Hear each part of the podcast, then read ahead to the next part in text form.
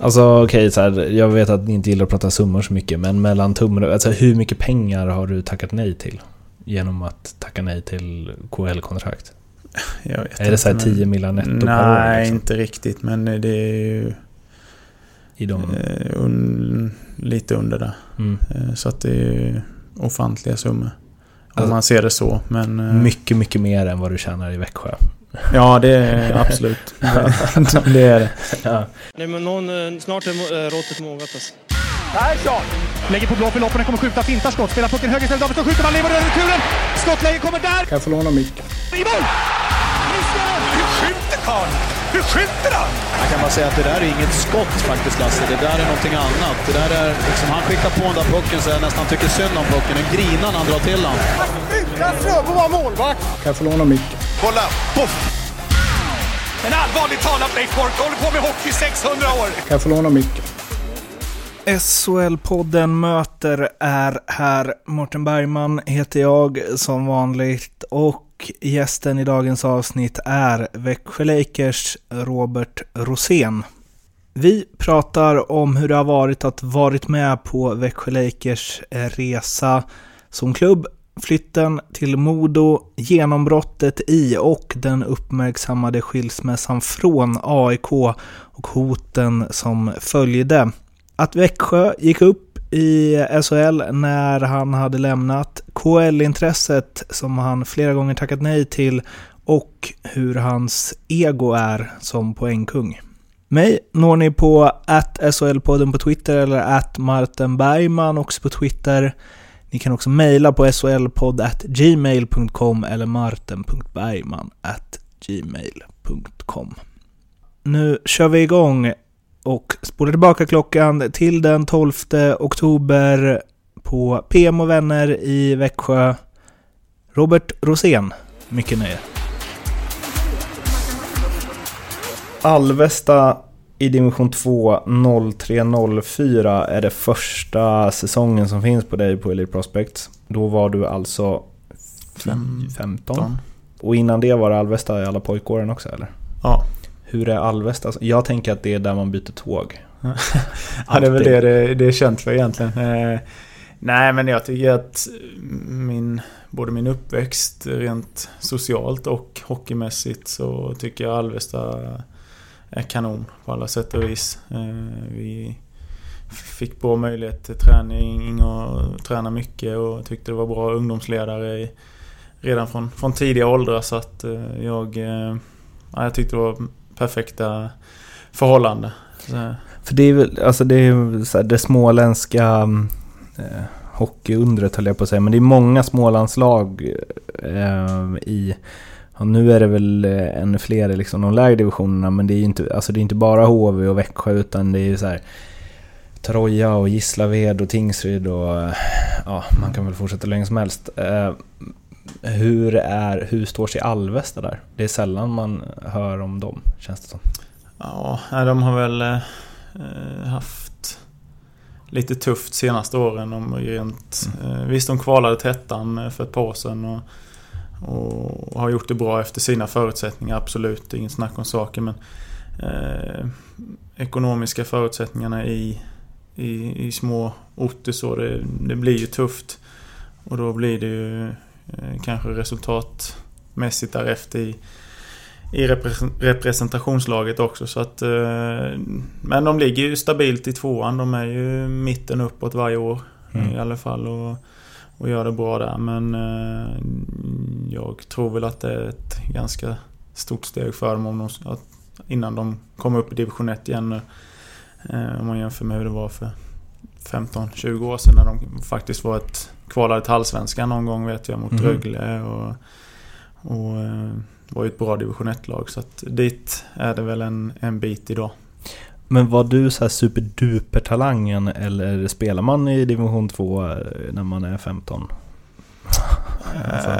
Jag vet inte egentligen. Alltså jag var ju aldrig med i några ungdomslandslag eller, okay. eller sådär. Men jag har ju alltid haft ganska enkelt för mig i ungdomsåren och, och göra mycket mål och assist och, och sådär. Eh, så att jag vet inte, någon supertalang var jag absolut inte för att då eh, hade man ju förmodligen fått chansen i, i ungdomslag och, och sånt där. Så att, men, eh, Men det var inte bara att du var, alltså spelade i ett lag där man inte höll koll som pojklandslagsscout liksom? Jo, absolut. Det, det kanske kan vara en, en, en del i det också. Jag menar, det är svårt att hålla koll på alla småorter runt om i hela Sverige. Utan, eh, Men om, om man Det- säger så här, är det bra att spela i division 2 som 15-åring? Eller, alltså jag vet inte, hur bra är klassen på division 2? Var du den enda 15-åringen i laget liksom? ah, det, nej, vi var, var en till var vi som spelade.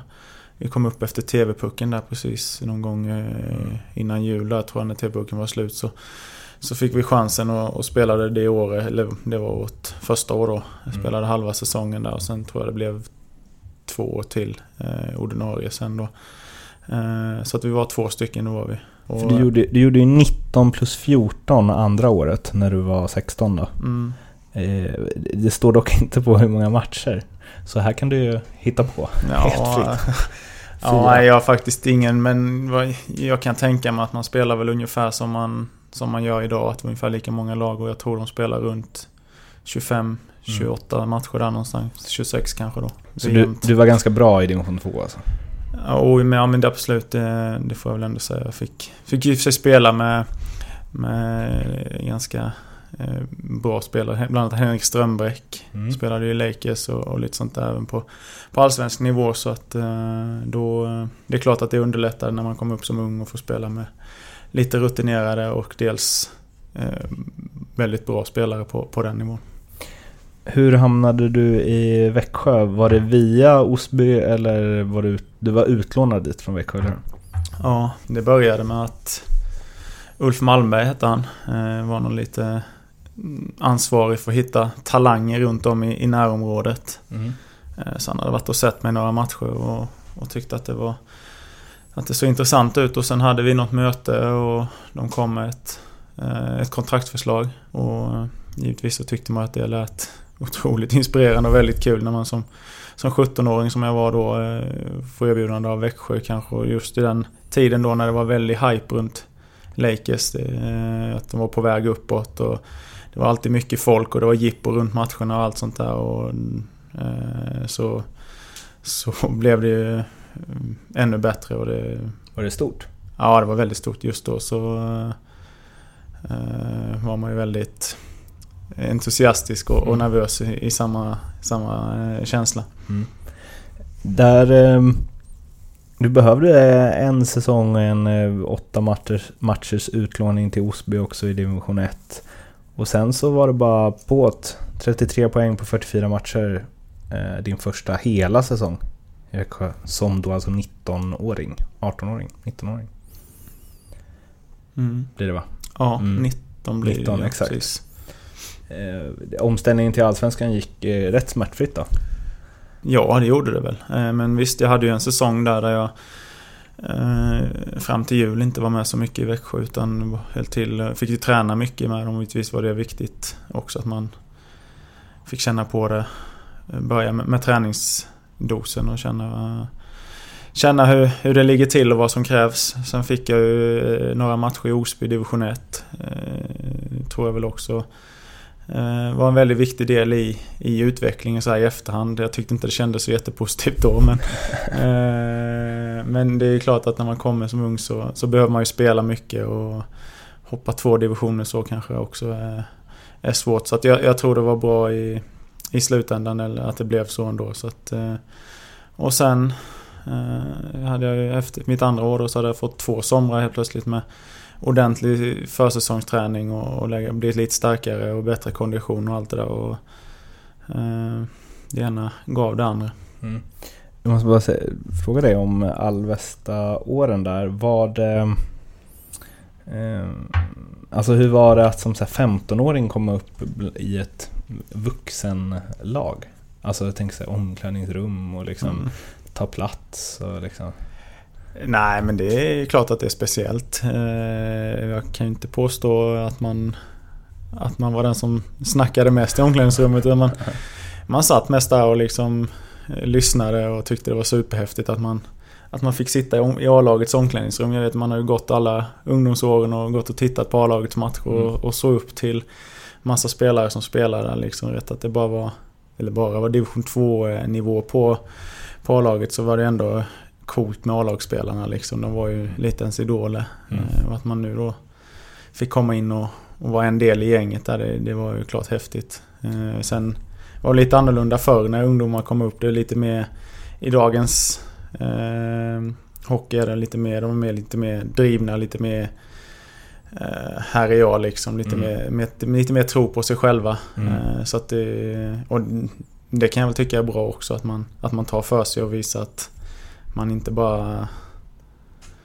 sitter och, och gör som alla andra vill att man ska göra utan att man även tar för sig lite. Men jag vet just då när jag kom upp så så satt jag ganska tyst och, och gjorde som de sa. Men, men också att du gjorde ju en massa poäng. Alltså jag tänker att det är så man klättrar i hierarkin på absolut bästa sätt.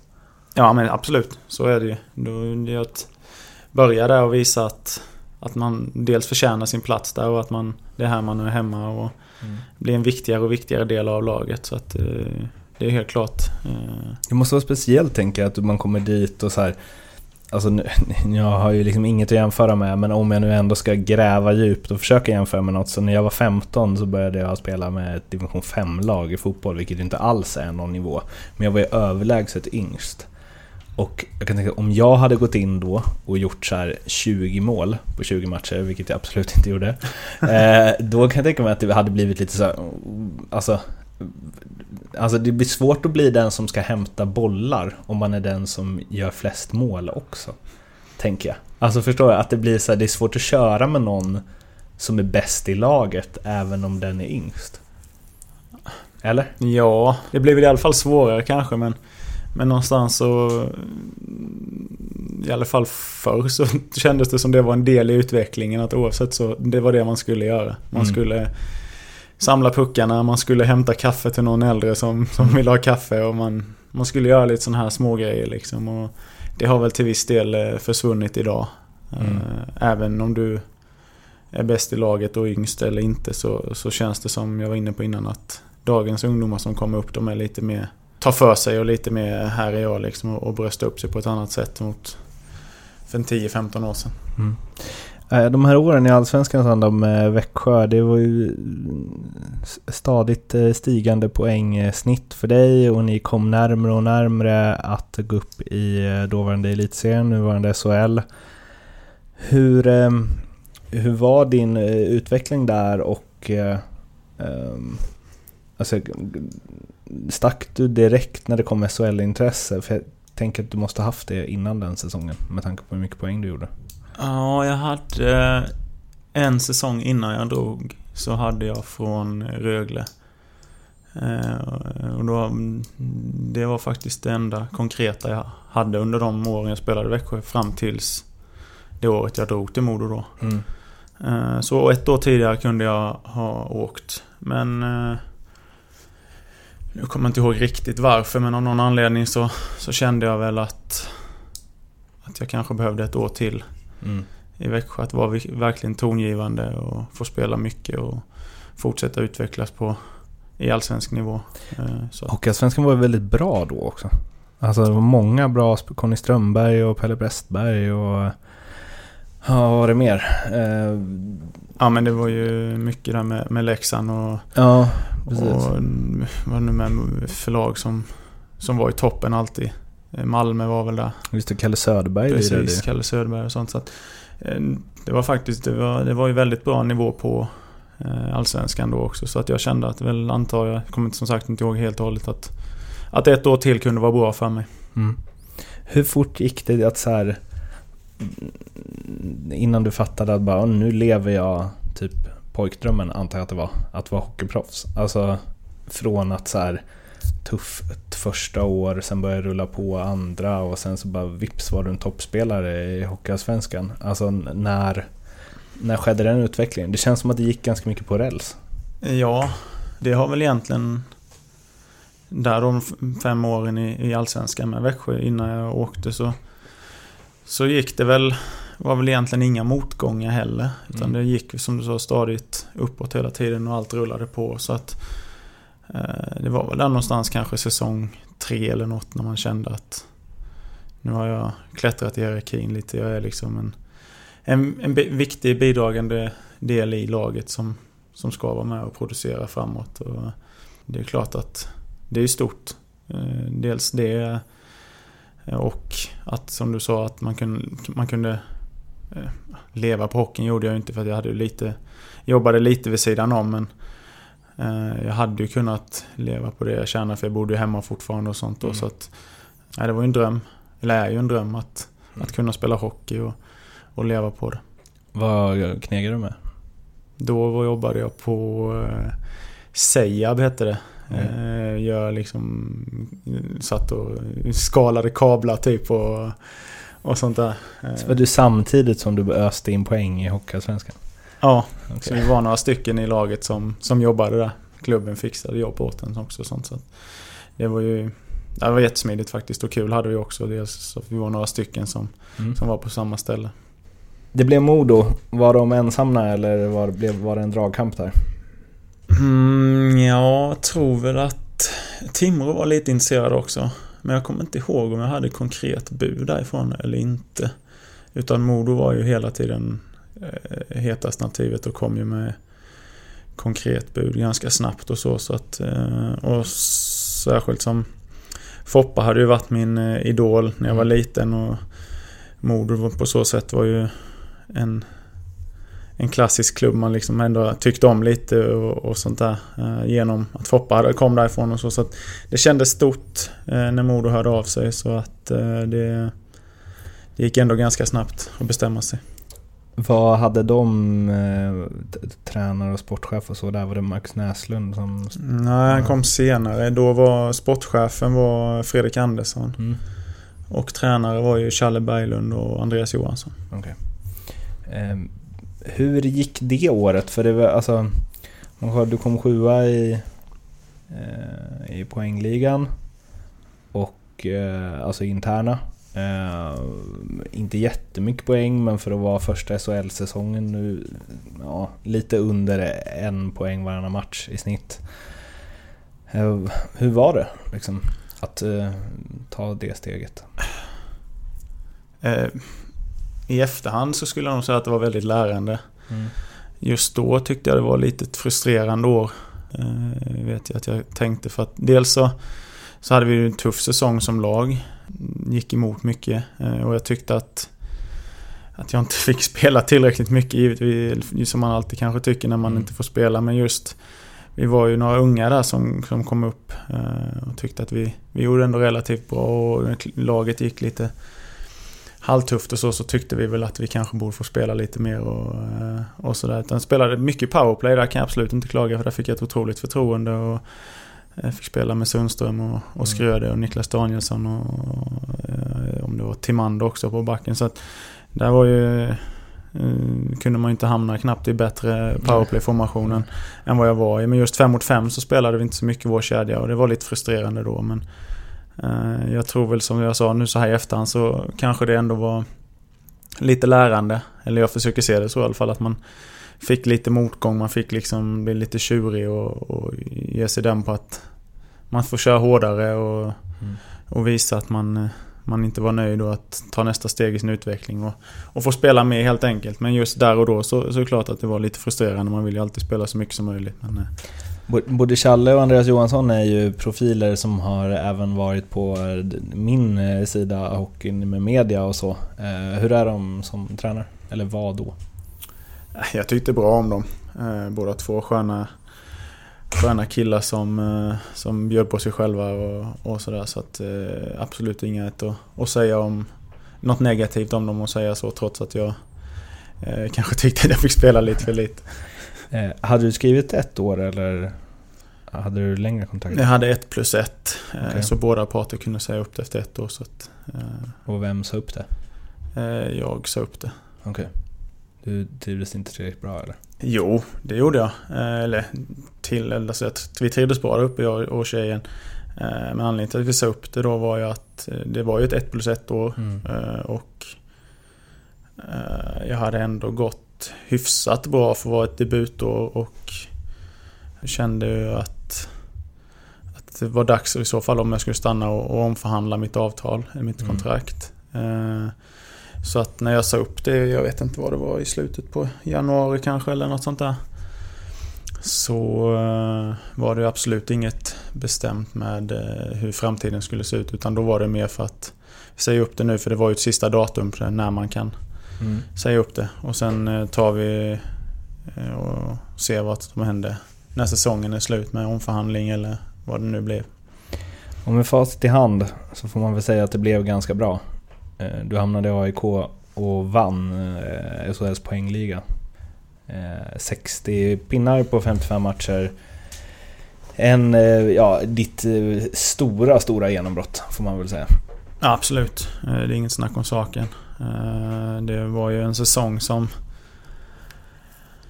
Ja, allt flöt på kan man säga. Det var ju inte en enda motgång och det kändes som att det spelade ingen roll vad man gjorde på isen så, så studsade pucken ens väg. eh, Och på något sätt in i mål. Eh, Så det var... Det var, jag kommer ihåg, vi, vi pratade ofta. Vi spelade ju med, med Gynge och Oskar Sten nästan hela säsongen. Och ibland så kunde det vara att man bara typ tittade på dem och skrattade typ liksom. Alltså det här är ju... Det är nästan löjligt att man kan ha sån flyt en hel säsong som vi hade. Sen givetvis så, så hade vi ju bra kemi och ett bra spel och vi gjorde ju mycket bra där ute så att eh, det var inte bara att vi fick tur men eh, eh, ibland kändes det som att det var en säsong där allt var verkligen bara studsade med. Mm. Hur är det att vara i det flowet eller vad man ska kalla Nej, det är fantastiskt såklart. Det önskar man att man kunde vara varje år. Så att det var... Nej, grymt. Härligt och kul och man... Eh, nu njuter man väl oftast när man får spela hockey men eh, när, det, när man har den känslan så, eh, så är det ju såklart ännu bättre att, att vara ute på isen. Vi ska komma in på, det blev ju ett slut i moll i AIK, men eh, om vi fokuserar på liksom poängen där och att spela i Stockholm för AIK, som ju gick ganska bra då också. Det var ju inte supervanligt de där åren runt där. Eh, och vilket tryck det kan bli på Hovet. Hur var det att spela inför den publiken? Eh, det var jättebra. Det, som du säger, det blev, Hovet har ju en jäkla akustik eh, när det är mycket folk och, och det blir drag. Så att både på AIK och Djurgårdens matcher när man möter dem eh, och det är mycket folk så är det ju ett jäkla drag där. Eh, så att det det är inget att klaga på när, när stämningen är på topp utan då är det ju så att man eh, eh, knappt hör sig själv där inne. Mm. Eh, sånt tryck blir det. Så att eh, det var skitkul. Hur var AIK som klubb då? För det var, det var en klubb som åkte upp och ner mycket och det var... Fick börja om i division 1 va? Eller 2 till och med. Eh, några år där innan. Möjligt. Ehm, Ja, då- jag kommer inte ihåg hur, faktiskt. hur, hur var det? Alltså var det en stabil klubb eller var det liksom... Kände man att någonting var på G eller är du inte förvånad över att det har gått åt andra hållet? Eller liksom, vad var feelingen när du var där? Nej, det kände, jag tyckte det kändes som det var en stabil klubb och man... Eh, allt funkade kanon vid sidan av. Eh, behövde man hjälp med något så, så löste någon det så att jag tyckte det var, var jättebra. Sen har man ju hört lite i efterhand liksom att det har varit på väg utför eh, ekonomiskt framförallt då liksom. Så att, men det är väl generellt antar jag för Stockholmshockeyn att det är lite tufft pengamässigt. Det är ju en otrolig konkurrens där uppe och Mm. om allting så att... eh, Men det var inget jag märkte av när jag spelade i AIK i alla fall. Det, det tycker jag inte. Utan det kändes som det var stabilitet i att då. till molldelen. Eh, jag ska eh, läsa till här, eller ja, jo, lite. Jag vet inte vilken tidning det var, Expressen tror jag, eh, som skrev, ja det var väl i början av våren där, den säsongen, att både KL-klubbar och NHL-klubbar var intresserade, men att du var på väg att lämna AIK för Växjö och det blev ett jäkla halabaloo kan man väl lugnt säga.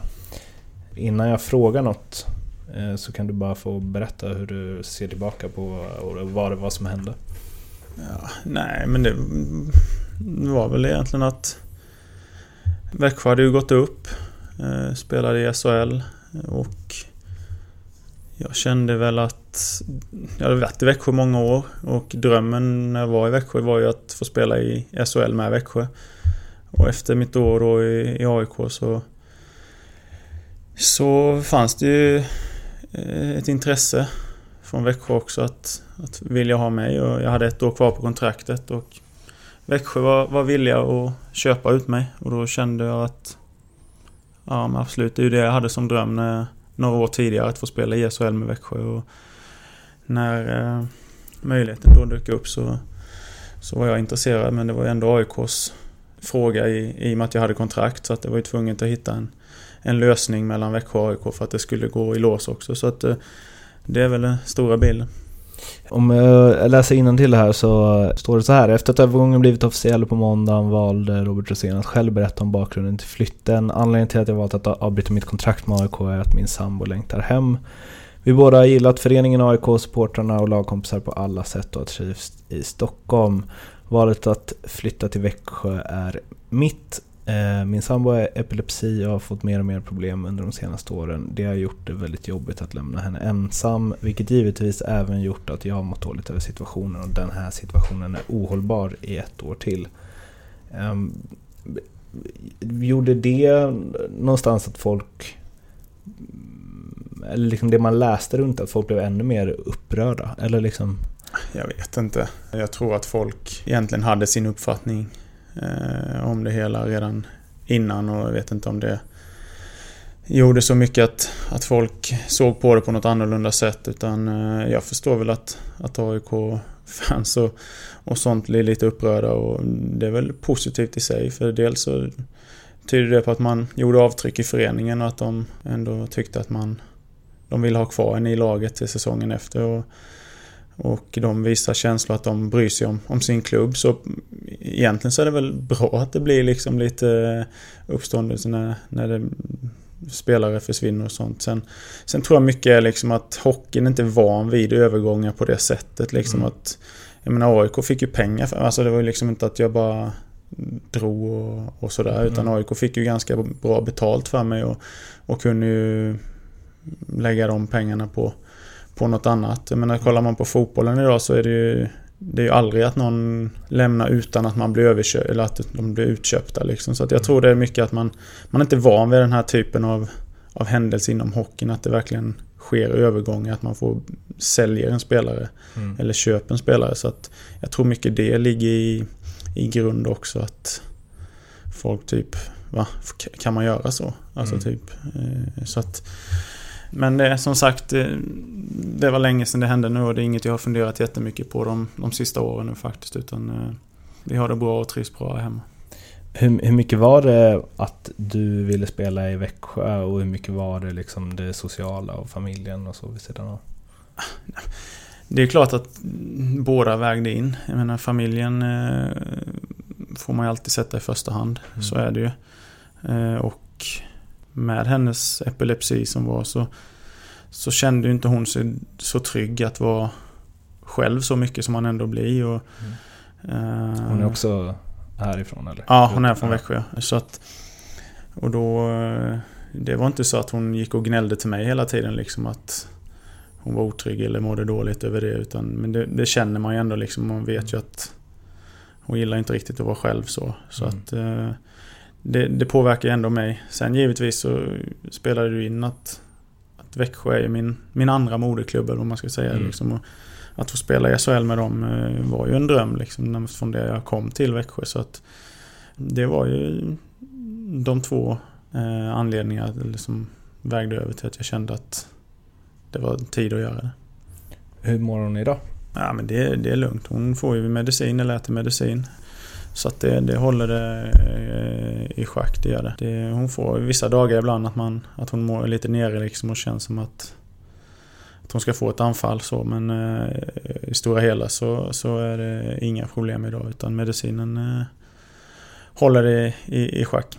Så jag eh, eh, ärligt säga att jag inte har supermycket koll på epilepsi-grejen förutom liksom att man sett Eh, ja men och anfall i typ ja, men i spelfilm eller så, liksom, att man haft med det. Hur, alltså, hur jobbigt har det varit? Eh, och är det något som påverkar vardagen mycket, alltså även för dig liksom, som lever med henne? Mm. Nej, det kan jag inte säga att det gör. Det, som sagt, medicinen hjälper ju och gör, ju, gör det det ska. Så att vi, eh, det är egentligen inget vi märker av. Eh, varken någon av oss. Förutom då ibland när de får de här någon dag här och var som man känner att, att hon är lite nedsatt liksom. Men annars mm. så är det ju inga problem. Vi lever som vanligt och gör allt som alla andra gör. Så mm. det, det, är inga problem. Du eh, fick hot då av eh, ja, supportrar till AIK får vi väl eh, förutsätta. Och det gick så långt att klubben kopplade in polis. Det polisanmäldes. Hur var det? Det är klart att det inte är roligt att få läsa sånt. Dock så var det ju aldrig någon som ringde mig eller skickade sms personligen utan detta var ju i olika forum, kommentarer på olika artiklar och, och sånt där som folk skrev. Så att det var ju, det var ju ingen som tog direkt kontakt.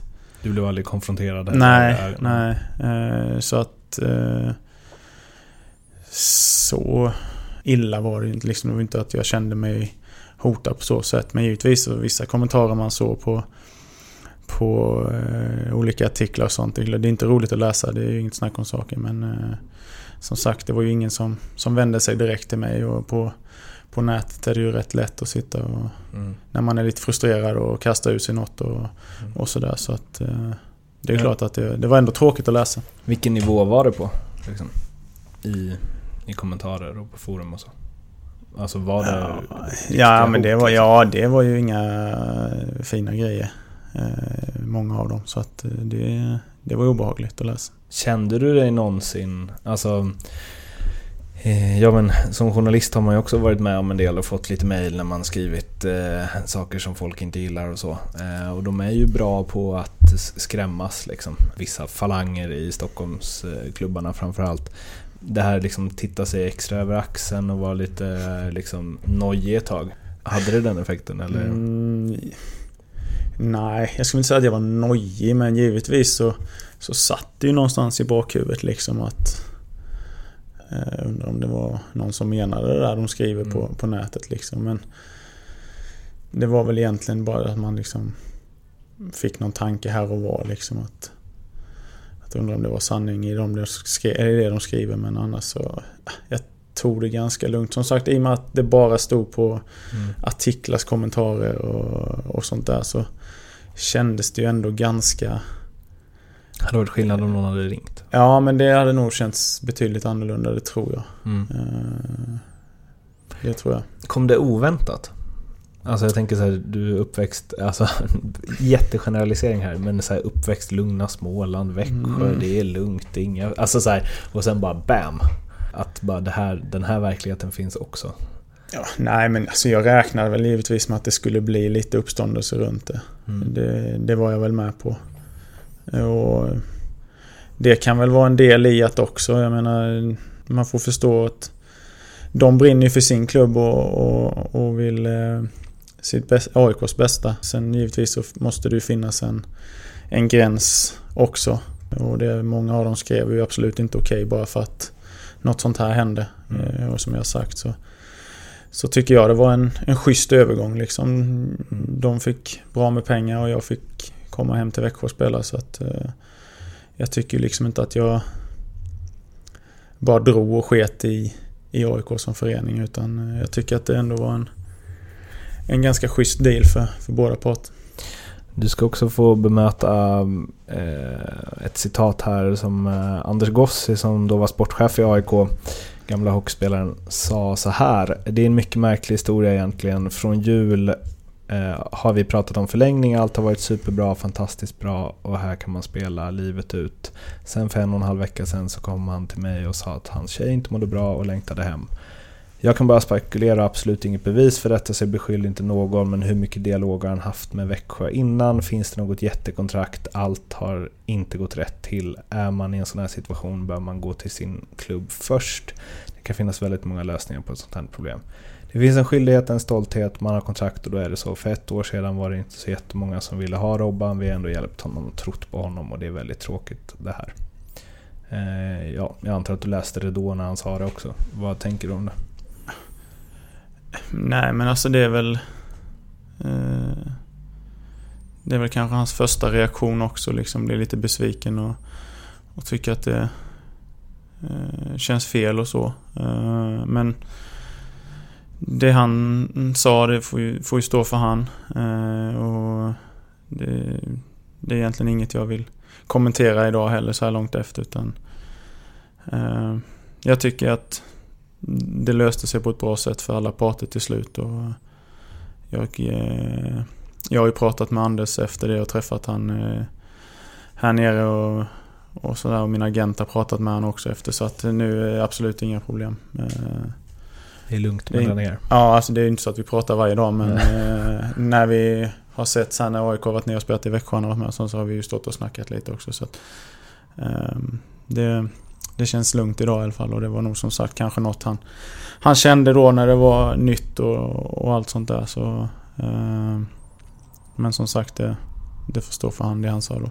För det man känner lite där utifrån i alla fall, eh, och framför, jag vet inte vilken ordning allt hände, men eh, alltså Ja, du, det var ju ändå polisanmälningar kring det som var att liksom en sportchef... Alltså, det här gjorde ju inte saken bättre. Om man säger så, antar Nej. jag. Sen det kanske är lite att han måste ju ja, säga något alltså för att visa AIK-fans att... Att de anstränger sig. Liksom. Att de mm. liksom...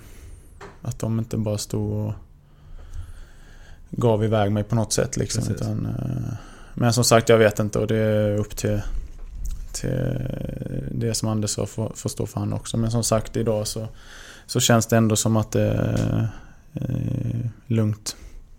Spelade inte de två första matcherna i Stockholm då? Nej, det var ju en del i dealen. Okay. När Växjö köpte mig, att jag inte fick eh, spela de två första matcherna i Stockholm. Okej. Okay. Det hade inget med så säkerhets... Nej, nej, nej. utan det var... Eh, det, eller jag antar att det var AIK som hade det som krav. Jag vet inte varför Växjö skulle nej. lägga in det som deal annars. Men det var väl AIK ville att de två första matcherna skulle jag inte vara med i Stockholm. Med allt det som vi liksom snackat om nu, hur ser du tillbaka på det idag? Alltså, blev det fel när det kom ut så tidigt, ryktena och så? Eller alltså, var det någonting där som du känner att så, asch, det hade kunnat skötts bättre? Liksom? Uh, nej, men alltså jag tycker att det, det var ganska... Jag tycker det var en, en schysst affär liksom. Jag menar, mm. AIK fick jättemycket pengar. Mm. Uh, och jag fick spela i Växjö igen. Mm. så att...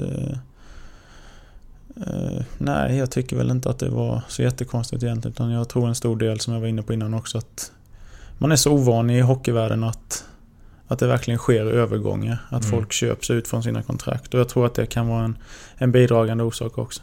Du var tillbaka i Växjö. Vi snackade lite om det innan, att de gick upp direkt när du lämnade. Mm, det var deras bästa nyförvärv i året att jag lämnade. Då var, föll alla pusselbitar på plats. Precis, det var det som saknades.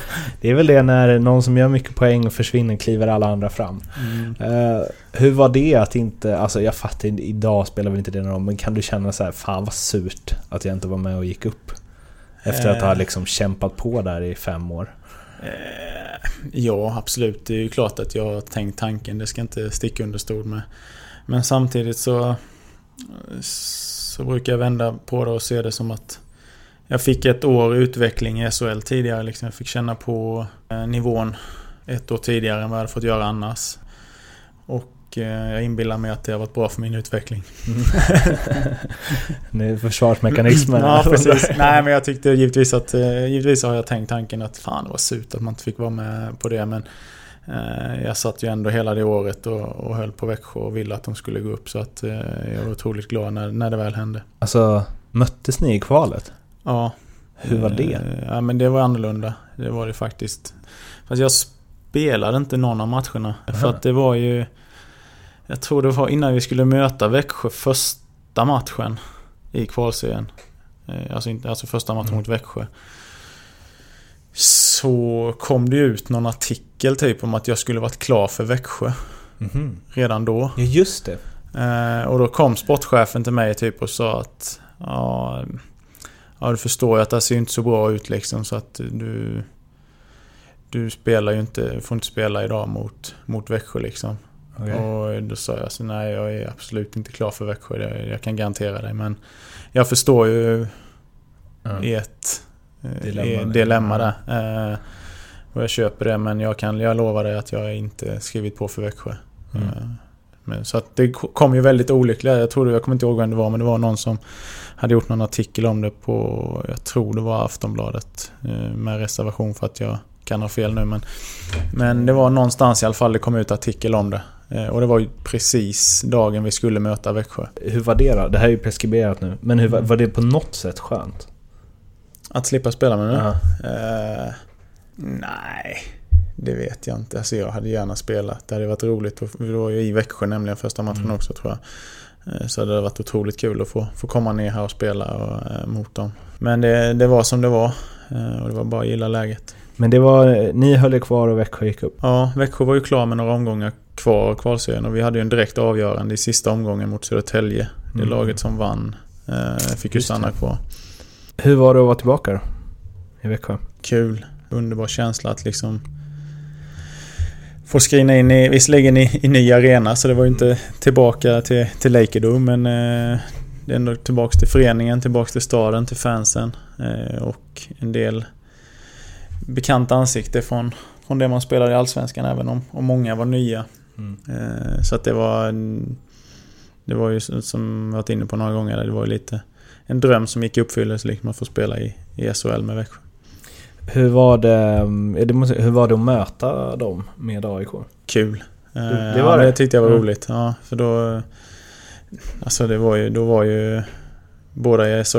eh, Mm. Så att det var ju liksom inte att Växjö slogs för att gå upp och, eller sådär liksom. Och Mm. behövde, så att jag förstod ju problematiken för Modo där när det verkligen Mm. eh, gällde att, vilka divisioner man skulle spela i. Men Mm. nej, med AIK där så var det ju verkligen i serien bara och det gällde tre poäng. Eh, Mm. Så att det, det jag tyckte det var, var jätteroligt. Jag kommer inte ihåg hur det gick men... eh, Gjorde du mål? Ja, jag tror jag gjorde mål någon match faktiskt. I Växjö i alla fall. Uh, Jublar du? ja, det vet jag inte. Jag brukar inte jubla så mycket när jag gör mål överhuvudtaget. Utan cool man blir lika chockad varje gång. Så. Fortfarande. ja, precis. Om någon hade sagt eh, till dig att eh, tre år efter att du återvände till Växjö så skulle du vinna SM-guld med dem. Då, vad hade du sagt då? Rimligt? Eller? Eh, nej, jag hade nog trott att det var lite tidigt då. Det hade jag nog trott. Eh, men jag kände ju samtidigt att Växjö hade något stort på gång. Det fanns ju fantastiska förutsättningar och en bra organisation och en stabil grund ekonomiskt att stå på. Så att, att de skulle ta SM-guld eh, någon gång, det var jag ju ganska övertygad om. Och jag skrev ett ganska långt kontrakt så att det fanns ju ändå någonstans i, i bakhuvudet att det vore coolt att vara med om Mm.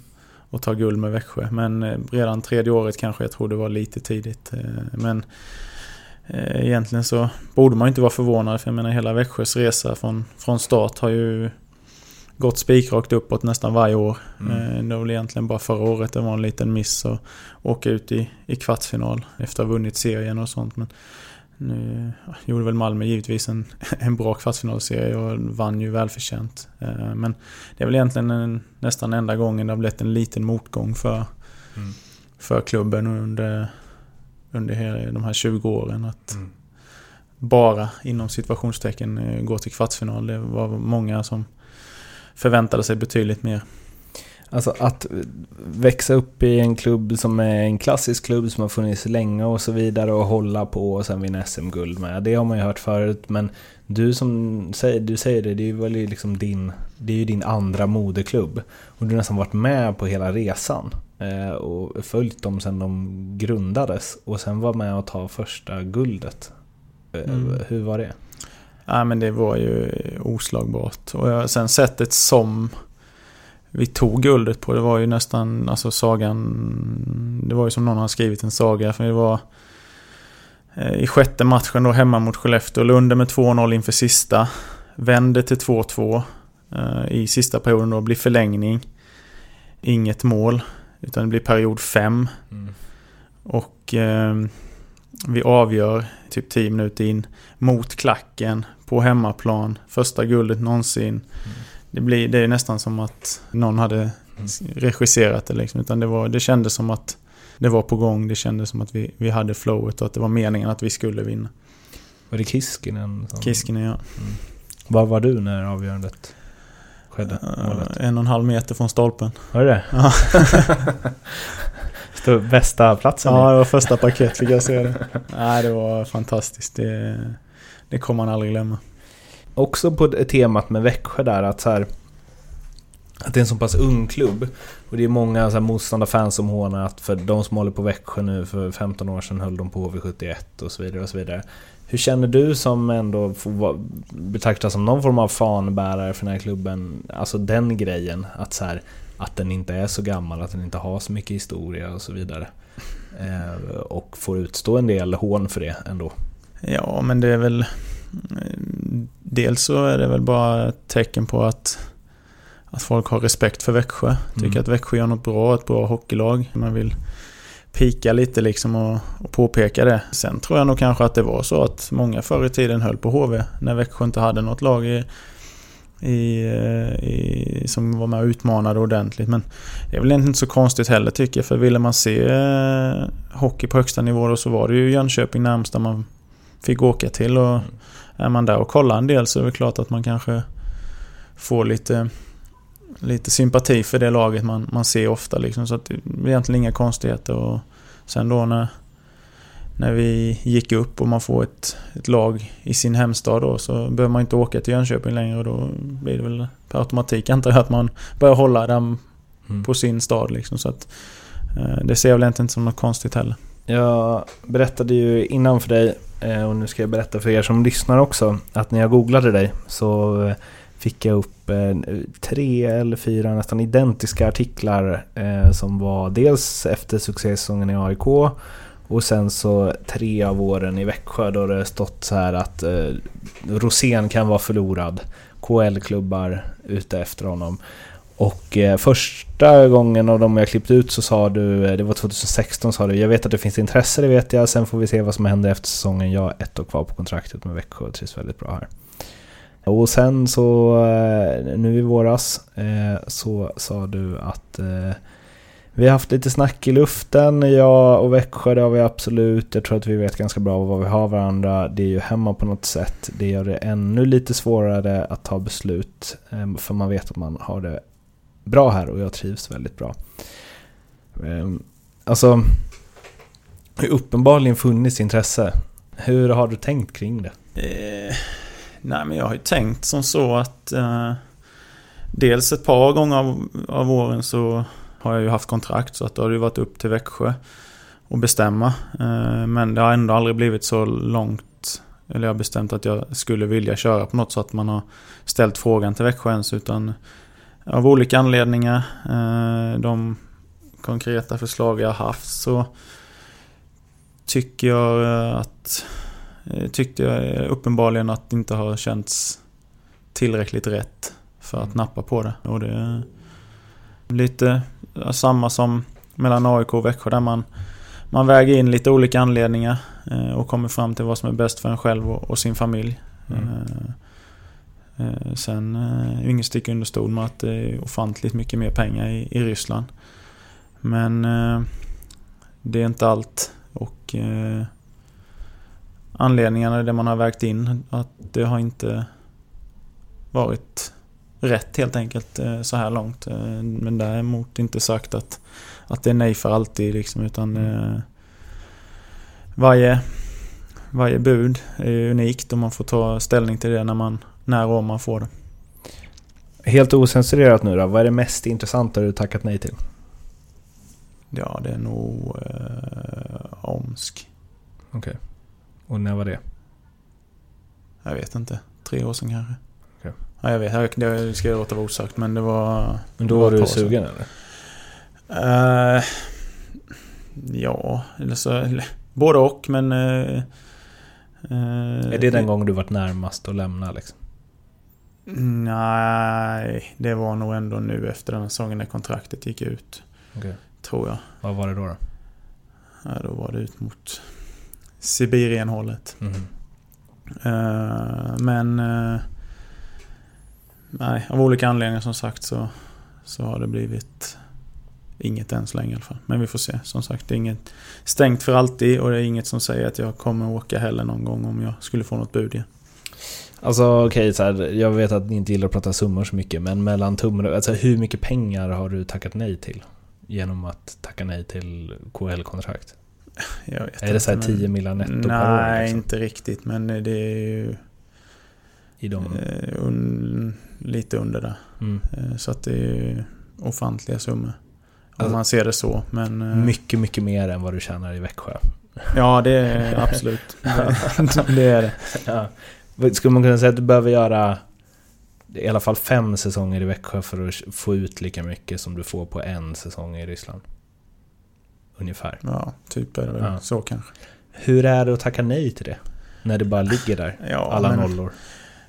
Ja, det är ju klart att det är, det är, det är lockande. Det är inget snack om saken. Men å andra sidan, det ligger ju inte bara pengar utan du måste ju verkligen... Eh, du ska ju offra, eller offra eller vad man säger, men eh, du ska ju vara iväg i 8-9 månader och eh, sådär. Och det, är- det är familj, särskilt nu när man har, har barn och sånt som vi har också, så är det ju en familjesituation som ska funka och det ska funka med med barn och allt och dagis och eh, man ska trivas som, som familj och allt sånt där. Och eh, det, det är en del man ska ta hänsyn till. Alltså jag måste säga att du är nog ganska unik va? I det här. Jag tror inte att det är många som eh, liksom är på den nivån du är som skulle tacka nej till KL flera gånger. Eller? Ingen aning, jag vet inte hur många som tackar nej hela tiden men Jag tycker att det är Eh. väldigt sällan man läser om folk som inte, som bara nej, jag stannar i år med. ja, nej men Dels så, så tycker jag det är fantastiskt kul att spela i SHL. Mm. Eh, Jag trivs jättebra i Växjö. Eh, Vi har ett bra lag och ofta med och, Eller ska alltid vara med och utmana om att och vinna sista matchen på säsongen. Mm. Och det tycker jag känns väldigt inspirerande och väldigt rolig utmaning. Mm. Så att bara där så, så känner man ju att det väger tungt Mm. till att fortsätta spela i Växjö. Har det varit någon NHL-klubb där och Nej, petat någon gång? NHL eh, kan, visst det var lite intresse efter AIK-året. Mm. Men bara intresse. Nej, det har inte varit direkt nära, det kan jag inte säga. Och eh, det kommer ju inte närmare direkt heller ju äldre man blir. Men, eh, jag gjorde den här podden med Simon Hjalmarsson nyligen och han var ändå inne på att så här, ja, men det är ganska många runt 30-strecket som får, alltså det är annorlunda nu mot vad det var för några år, eller liksom 10 år sedan, att få chansen i NHL. Du är inte rökt om du är 30 och gör det bra i SHL liksom. Nej, det är klart att man kanske inte är rökt så men det känns ändå som det ska ganska mycket till när man börjar komma upp i 30 att man, för att man ska få chansen. Och, eh, NHL är eh, inget jag eh, går och tänker på, det kan jag inte påstå. Och egentligen... Du tror inte det kommer hända eller? Eh, nej, det, det tror jag inte. Om du hade fått chansen, hade du tagit den då? Det hade jag nog gjort. Det hade varit, det har ju varit eh, en pojkdröm liksom att få spela i NHL. Men bara för att man får ett erbjudande från NHL så är ju inte det säkert att man får spela i NHL liksom. Utan det kan bli eh, eh, AHL. Mhm. Eh, Det är man sugen på som nej, 30-plussare. Nej, det, det har jag svårt att se att man skulle vara sugen på. Så att... Eh, nej, men det känns faktiskt eh, nästan lite orimligt att, att det skulle vara aktuellt. Så att det, det är som sagt inget jag går och tänker på, inget jag eh, eh, lägger någon energi på. Du får en fråga i den intervjun här, den senaste. Kan du se dig själv i en annan SHL-klubb? Och då säger du byta inom Sverige vet jag inte. Det skulle vara om Växjö inte vill ha mig kvar och att man blir tvingad till det. Men annars vill jag nog främst ha en helt annan utmaning i sådana fall. Är det... Alltså... Du tror inte du kommer spela i någon annan SHL-klubb?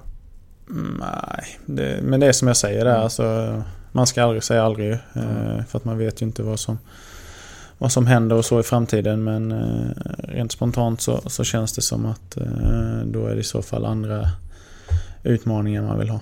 Men, och, Har du, nu har du haft ett långt kontrakt, men har det varit andra SHL-klubbar? Under de här åren? nej, inte... Nej, inte eh, Eh, Beror det på att du har en liksom KL out? Eller alltså varför kan de vara där när du har kontrakt?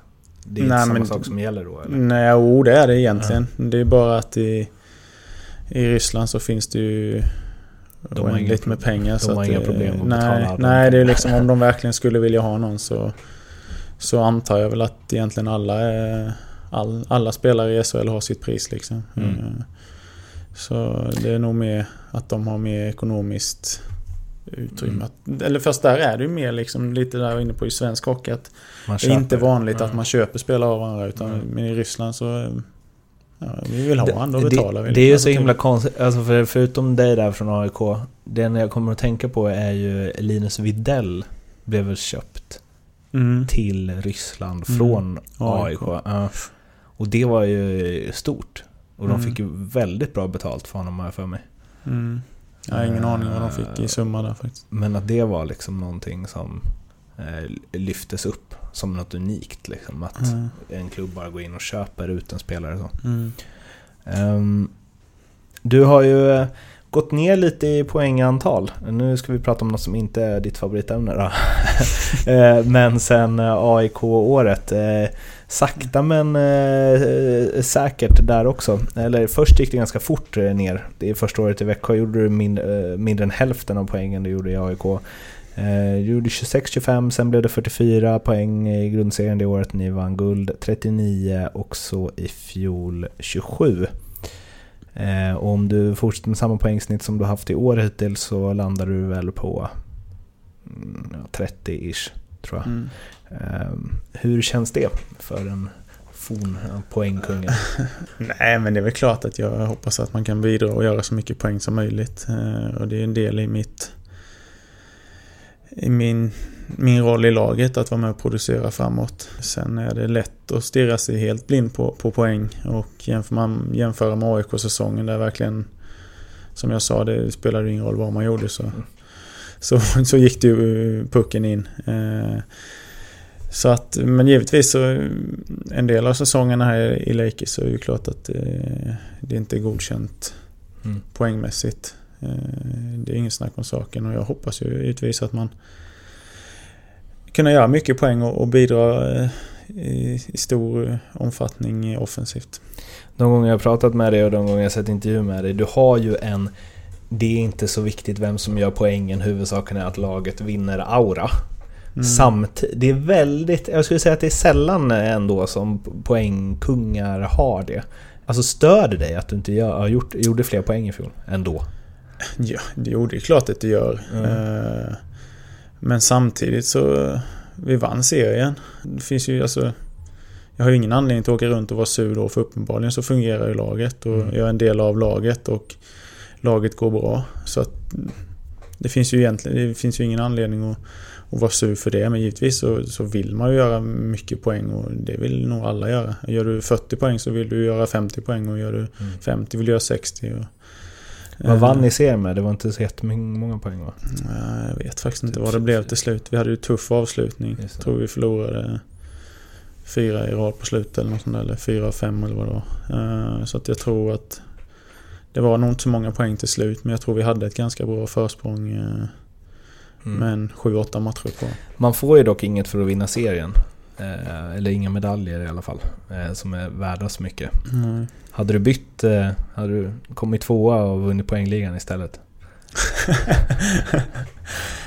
ja, så. Ja. ja. Nej men det är klart att som du säger. Men, men å andra sidan så är prestige att kunna säga att man har vunnit serien någon gång också. Och det var ju första gången jag vinner serien. Så att mm. det var faktiskt värt i den aspekten liksom att man kan verkligen säga att jag har varit med och vunnit serien över 52 omgångar. Vi har spelat, varit bästa laget under en lång tid. Så eh, det är, ändå, det är ändå något man tycker är stort och jag kan tänka mig att kanske ännu mer i framtiden att man blir ännu mer stolt över liksom att verkligen ha varit med i ett lag som har vunnit serien. Jag har eh, ju bara träffat dig två gånger, eh, inklusive den här. Men jag var ändå, eh, vi spelade in en reklamfilm innan säsongen, eller precis början av säsongen. Och då slogs både jag och min kollega av att hur, du verkar så himla snäll. Mm. och liksom så här, ganska lugn och ja, alltså noll av tio på divighetsskalan. Eh, där man tänker att en spelare som gör mycket poäng, som du gör, måste man ha ett stort ego ändå? Och liksom för att så här, drivas mot det. Har du det på isen eller är du bara så skillad att du gör massa poäng ändå? Nej, men alltså jag tror på att... Eh, Jag tror, för mig, för mig så, jag vill, jag vill uppfattas som ödmjuk och liksom snäll och, och lugn eh, person. Sen eh, finns det ju de som du säger som liksom har mer... Alltså jag tror på mig själv jättemycket. Det, det gör jag absolut. Det är bara att jag liksom inte, jag står inte och säger det liksom eller vill att alla ska veta. Utan jag är starkt tror på mig själv och liksom vet vad jag kan och, och litar på mitt spel. Eh, och det har tagit mig ganska långt. Eh, sen eh, säger jag inte att det är fel om man, man har någon annan attityd heller. Men för, för mig eh, så känner jag att det är viktigt och jag vill uppfattas som att vara lugn och fin och ödmjuk och, och sådär. Har det någon gång så här, har det någon gång varit negativt? Att du borde så här? Det har det säkert. Eh, Det har väl med alla, alla sorts egenskaper man har så finns det väl situationer där det kan vara negativt. Eh, Men jag vet inte, så här på rak arm kan jag inte nämna någon, någon särskild men eh, det, det har det säkert. Vi ska snart eh, bränna av eh, snabbfrågorna på slutet, men innan dess några spelare som du spelat med som jag bara kommer säga namnen på och sen så får du orda på. Eh, Per-Åge Schröder. Eh, Ja, en fantastisk eh, målsinne, eh, människa och eh, otroligt grym lagkamrat. Niklas Sundström. Ja, det är samma där. Eh, otrolig hockeykarriär. Eh, Otroligt skicklig och eh, bra människa. Närmsta Gretzky du har kommit va? Spelar med honom? Mm, Ja, det kan det nog vara. Utan någon närmare betänk eller längre betänketid. Var det inte. Gretzky som sa om honom att mest talangfulla spelare han spelar? Eller han sa något sånt när han kom in. eh, De lever i samma kedja Ja. i Rangers. Ja, det är möjligt. Jag har ingen koll på. Men han var ju hur som helst eh, otroligt skicklig. I alla fall i sina glansdagar. Ladislav... mm, Ja, Nordge. Nudgy. Ja, Nudge. Ja. Nej, jag, jag vet inte. Alltså, han kom ju in sent i Modosäsongen. Eh, vid jul eller vad det var. Mm. Eh, men eh, nej. Trevlig, trevlig kille. Inget, inget ont att säga För det om var han och Bartetjko va? Precis, så är det. Eh, men eh, nej, bra kille liksom. Rickard Gynge. Mm, ja, men, eh, fantastisk eh, hockeyspelare, människa. Eh, och eh, den kanske, eller den kanske, den som jag har hittat bäst kemi med egentligen. Eh, utav alla jag har spelat med. Eh, så att, eh, det har varit fantastiskt kul att och spela med tillsammans med han och bilda kedja med han eh, under ett par säsonger och eh, vem vet kanske något år i framtiden också vi, vi kan spela i samma lag. Dick Ternström. Nej men det eh, känns som man säger samma sak på alla men fantastisk karriär, skicklig, lugn med puck eh, och, och väldigt bra och, och rolig person. Fredrik Norrena. Sjuk vinnarskalle. Mm. Eh, kan man det. säga. Ja, nej men det var, fanns ju inget annat än att vinna där. Så att eh, bra målvakt, bra karriär och hans eh, meriter talar väl ändå ett, ett språk som säger att man har gjort någonting bra. Och återigen en sån lite på Ladislav Nudge-hållet där. Jan Lavac. Mm, en rolig prick, jäkla skön snubbe som kom in och jag vet inte om det var två i rad han Jo. kom in i Växjö. eller- Ja, två var det nog Ja. kanske. Ehm, nej men det är ju samma, alltså otroligt skicklig. eh, Stark med pucken. Har ju verkligen levererat poäng under lång tid och eh, som jag sa en, en otroligt skön snubbe. Avslutande snabbfrågor. Förutom eh, Peter Forsberg, Mats Sundin och Niklas Lidström, vem är Sveriges bästa spelare genom tiderna? Måste säga att jag har rätt dålig koll på övriga utav de som har spelat förr i tiden om man säger så. Men eh, om man kollar på de som spelar idag så kommer ju Erik Karlsson är ju med där uppe. Absolut när han lägger av väntar jag. Eh, Niklas Bäckström. Eh, Rickard Gynge. ja precis, Rickard Gynge. Nej men det finns ju otroligt många som är bra så jag, alltså jag vet inte. Men eh, Erik Karlsson säger jag då. Förutom Wayne Gretzky och Mario Lemieux, vem är världens bästa spelare genom tiderna för dig? Ja, det är nästan ännu värre. Om jag inte har koll på svenska spelare som har spelat förr i tiden så, så har jag knappt det på. Får ju säga Foppa. Ja, Jo, men han är absolut en av dem. Den, men jag säger Foppa då. Det, är, det behöver man inte skämmas för att säga, för han var ju otroligt bra. Tror du att du hade spelat i första femman i alla NHL-lag 1990? Så bra som du är idag. Om du hade teleporterat tillbaka. Har hockeyn utvecklats så mycket? Eh, jag vet inte, det är jättesvårt att svara på det men eh, det fanns väl otroligt mycket duktiga hockeyspelare då också så att... Eh, men det är förmodligen två helt olika sporter också. Det känner ju nästan bara jag hur det har utvecklats i Sverige på de här åtta åren som jag har spelat i, i SHL. Att mm. det har mm. blivit mycket annorlunda. Att det är mycket mer fart nu. Det är mycket mer taktiskt. Mycket mer backcheck, täcka skott. Mm. Det är mycket svårare att göra poäng eh, nu än vad det var bara för 4-5 år sedan. För att det är så mycket mer uppstyrt och, och lag är så duktiga taktiskt. Så att... Eh, jag, jag, nej, jag tror inte jag hade spelat i alla, det tror jag faktiskt inte. Men, men i de flesta? nej, men jag tror som sagt att det, det, är så olika sporter så att det är svårt att jämföra. Men, då fick man ju hakas hur mycket ja, som men helst. Precis, det, ju, det fanns Du kunde ju inte åka ut för hakning. Liksom.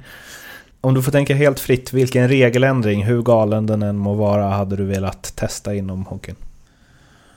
Uh, jag vet inte om jag har tänkt så mycket på det, men det hade ju varit lite intressant att uh, ta bort offside.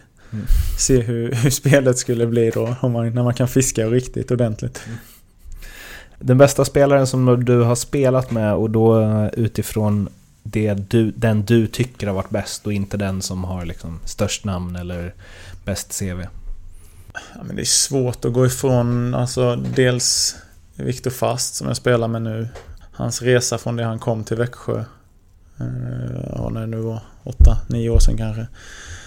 Att liksom från andra målvakt som han var då när han kom, eller tänkt andra målvakt Ta över direkt, bli första målvakt första året till AIK, SHLs bästa målvakt, eh, NHL, VM, VMs bästa målvakt. Alltså karriären han har haft är ju svår att blunda för. Det är makalöst bra gjort och han är ju fortfarande toppklassmålvakt i, i, eh, om inte världen så i alla fall i Europa så är det inte många som slår honom på fingrarna. Eh, och sen då givetvis samarbetet med, med Gynge och, och, och ska inte glömma Kiskinen där heller faktiskt för den delen utan han är ju lika stor del i, i vår framgång när vi spelade ihop. Så att, eh, men, men Gynge där är också svår att blunda för liksom, att med den kemin vi hade och hur framgångsrikt det har varit. Så jag säger de två.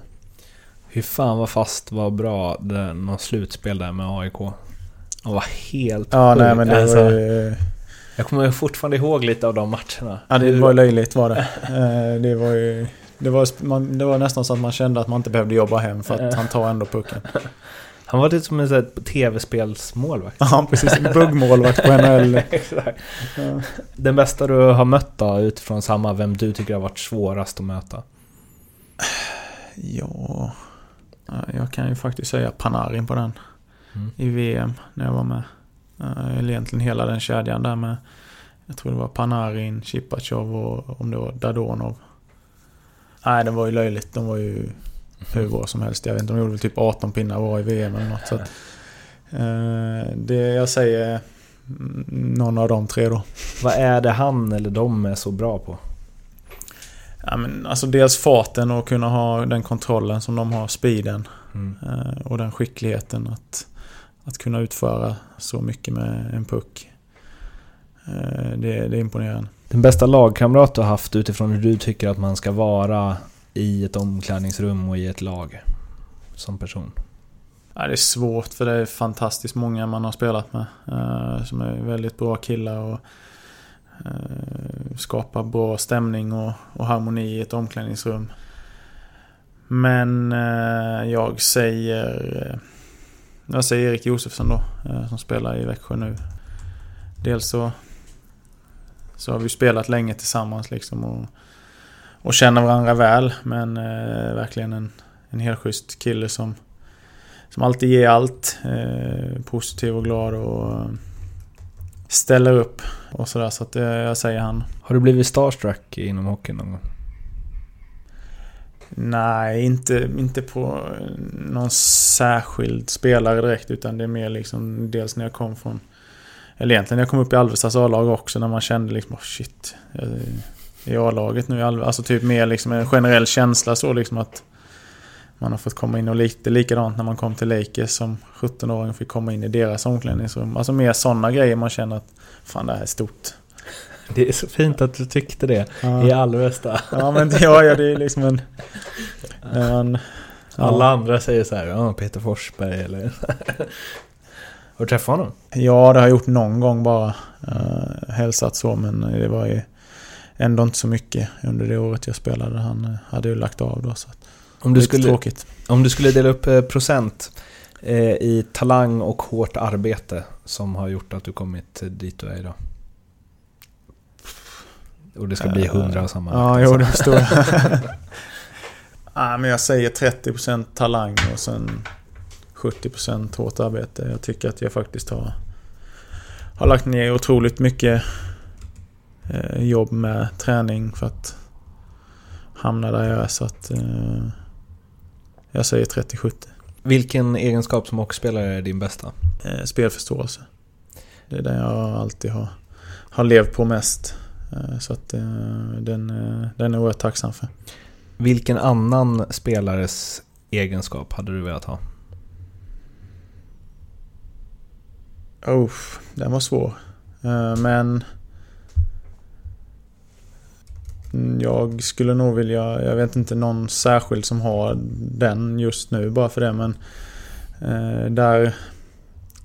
Där saker bara kan rinna av en direkt. Där man liksom inte bryr sig. Mm. På något sätt oavsett, alltså, eller bryr sig kanske är fel ord men att om man gör någon miss liksom att man bara går vidare direkt. Eh, Nu tycker jag väl ändå att jag kanske är ganska bra på det men Visst kan man ligga och gräma sig ibland för någon Fasen vilken miss jag gjorde. Hade jag gjort mål där eller fått fram den passningen och alltså, Mm. bla bla så Man bara liksom kunde släppa sånt där och då liksom bara att ja, ja, ja, hänger väl nästa istället. Ja men Ja. typ den känslan. Eh, att liksom kunna låta grejer rinna av en. Så hade jag nog valt det. Men jag kommer inte på någon särskild nu som har den versionen. har Hade du någon eh, hockeybild eh, när du var liten som var speciell på något sätt? Nej, inte speciell men jag samlade ju på hockeybilder och hade otroligt mycket hockeybilder. Men givetvis så tyckte man ju att de på, på Foppa och, och sånt där och Gretzky, man hade några hockeybilder på det. De var ju lite mer värda än alla andra. Vad gör du den dagen du inte spelar hockey längre? Bra fråga.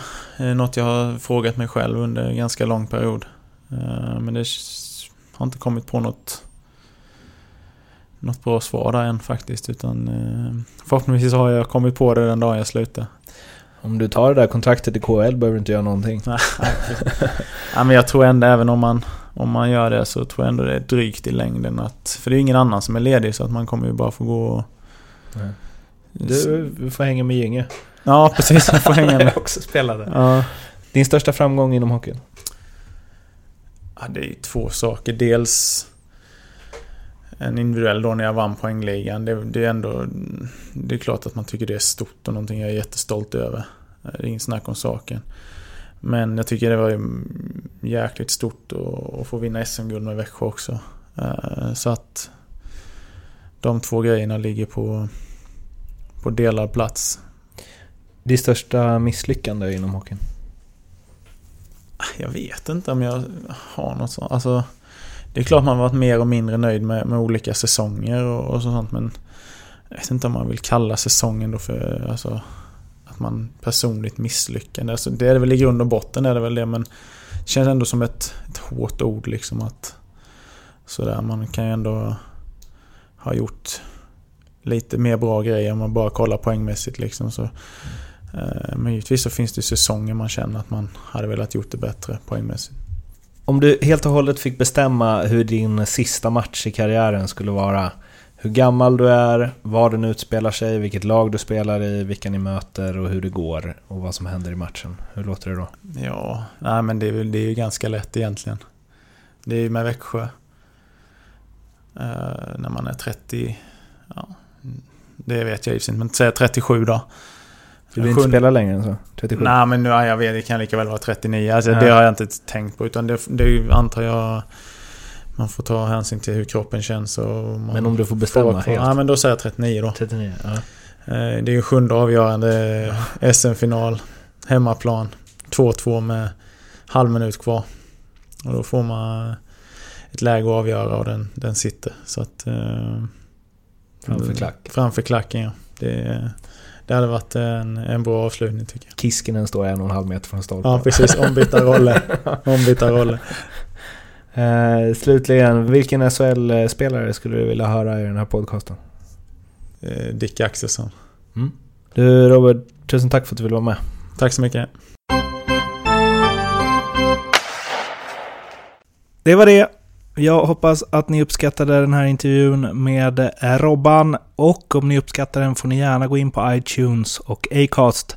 Och prenumerera och ge stjärnor i betyg och så vidare och så vidare. Och sprid till de Lakers-vänner eller andra ni känner som ni tror skulle gilla detta snack. Vi hörs igen om en vecka. Tills dess, ha det fint. Hej!